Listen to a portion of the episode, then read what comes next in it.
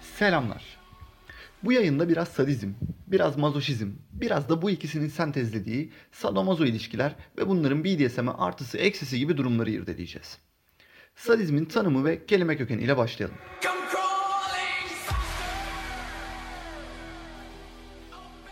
Sadizm, bir kişinin başka bir kişiye acı vermesinden zevk alması anlamına gelen Marcus de Sade'ın isminden türemiş bir kelime. Her ne kadar fiziksel şiddetle birebir bağdaştırılmış olsa da psikolojik şiddet ya da karşısındakini aşağılama arzusu da gayet de bir sadizm olarak adlandırılabilir. Sadizmin kurucusu Marquis, sadistik davranışlarını şu şekilde açıklar. Kadınların zevk alıp almadıklarını anlamak çok zor. Yanılmak her zaman olası. Halbuki insan yarattığı etkinin tepkisini arzular. Acı ise gizlenemez. Etki ne kadarsa tepki o kadar çıkar ortaya. Öte yandan bir mazoşistin de kendine karşı sadist davranışları pekala olabilir. Mazoşizm konusundan birazdan daha detaylı bahsedeceğim ama önce sadizm. Genelde sadomazo ilişkiler kuran çiftlerdeki sadist taraf verdiği acının karşılığında yüksek reaksiyonu alabildiği şiddet türünü seçer. Bu tür mazoşiste göre değişiklik gösterir ve her zaman fiziksel şiddet olmaz. Diğer yandan bu konu hakkında yeterli entelektüeliteye sahip olmadan sadomazo ilişkiler kurmaya meyleden sadist eğilimli kişinin davranışları biraz gülünç kalabilir. Örneğin ne bakıyorsun lan ağzını burnunu kırarım senin gibi şiddetin başlangıcını tetikleyeceğini düşündüğü ama mazoşist tarafından kahkaha ile karşılanacak sonuçlar ortaya çıkabilir ki çıkıyor da. Sadizm aynı zamanda bir kişilik bozukluğu olarak da tanımlanır ve bunu reddetmek de zaten doğru olmaz.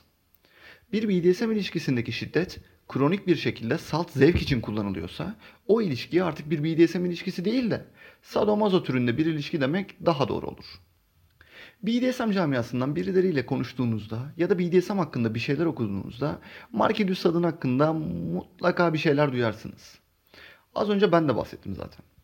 Hayatının 29 yılını hapishanede, 13 yılını akıl hastanesinde geçiren, hizmetçileriyle rızaları dışında cinsel ilişkiye giren yani tecavüz eden, ilişkiye girmek için parasını ödediği fahişeler tarafından bile polise şikayet edilen, çalışanlarına işkence yapıp onları cinsel hizmete zorlayan, 13 yaşında bir çocuk ile ilişki kuran, bakın nefesim kesildi anlatırken adamın yaptıklarını, hakkında ölüm cezası dahi istenen bu adam neden kendini dominant olarak tanımlayan kişiler tarafından saygıyla anılır ya da BDSM'in kurucusu atası olarak atıfta bulunulur?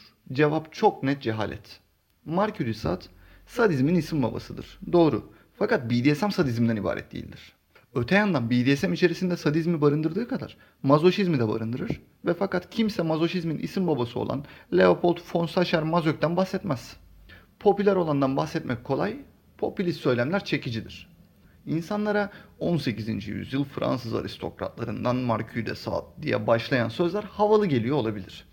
Karşısındakini ancak bu şekilde etkilemeyi başarıyor da olabilir. Fakat gerçek şu ki Düsad'ın hayatını okuyan biri kendini ona benzetmek istemez. Kurduğu ilişkilerin başlangıç noktası olarak ona atıfta bulunmak istemez. Hiç değilse sağlıklı biri ise istemez. Tarih ve tarihi kişiler bir miktar yorumu açıktır evet.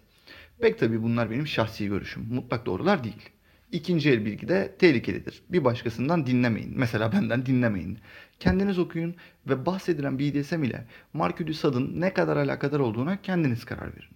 Sadizm artık burada noktayı koyalım. Mazoşizme geçelim. Kelime 19. yüzyılda yaşayan Leopold von Sacher-Masoch'tan geliyor. Bu arkadaş aslında bir tarih profesörü.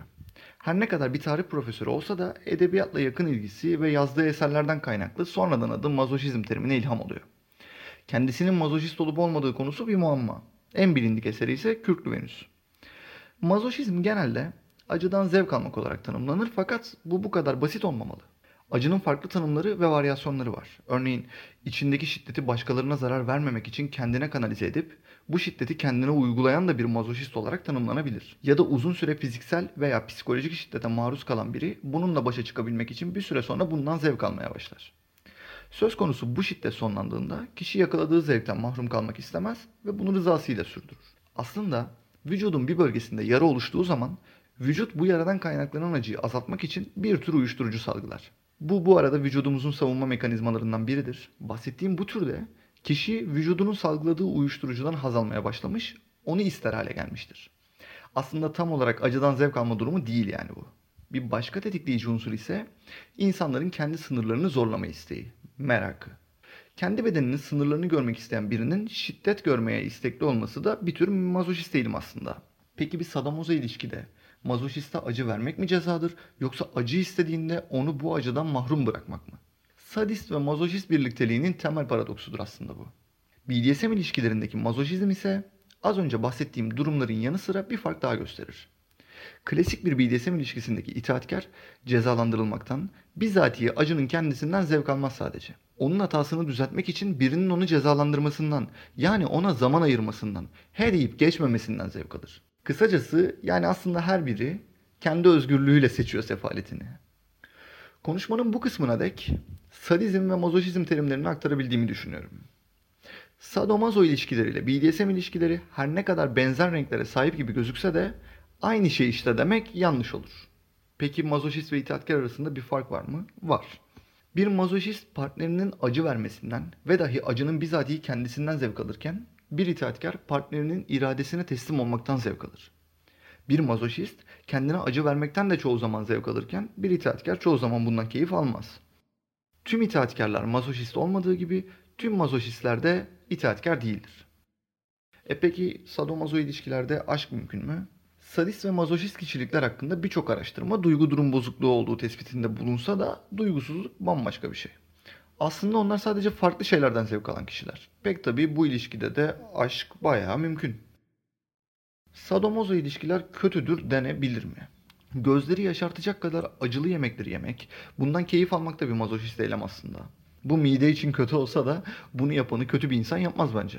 Birbirlerinin sınırlarına saygı duydukları sürece buna kötü, bunu yapana da kötü insan demek, kişilere siz kendi yaptığınızı bile bilmiyorsunuz, her boku en iyi ben bilirim demekten ibaret geliyor bana. Sadizm ve mazoşizm BDSM'in içerisinde her ne kadar olsa da salt sadomazo ilişkiler BDSM'den bağımsız ele alınır ve aynısı olarak tanımlanamaz. Hiç değilse tanımlanmamalı. Tüm dominantların sadist olmadığı gibi tüm itaatkarlar da mazoşist değildir. Twitter'da falan göreceğiniz sözde dominantların paylaşımlarından dolayı maalesef BDSM eşittir sadomazo şeklinde çirkin bir algı oluştu. Sadomazo ilişkiler acı vermekten zevk alan ve acı çekmekten zevk alan kişilerin oluşturduğu bir sentez olarak tanımlanabilir. Yatakta aşkım saçım diyen bir kadını mazoşist olarak tanımlamak ne kadar doğruysa, BDSM tabanlı ilişkiler ile içinde sadomazo unsurlardan başka bir şey barındırmayan ilişkileri aynı kefeye koymak da o kadar doğru olur ancak. Aynı zamanda tüm bu bilgilerin yazı haline bdsmakademi.com'dan ulaşabilirsiniz. Sevgiler.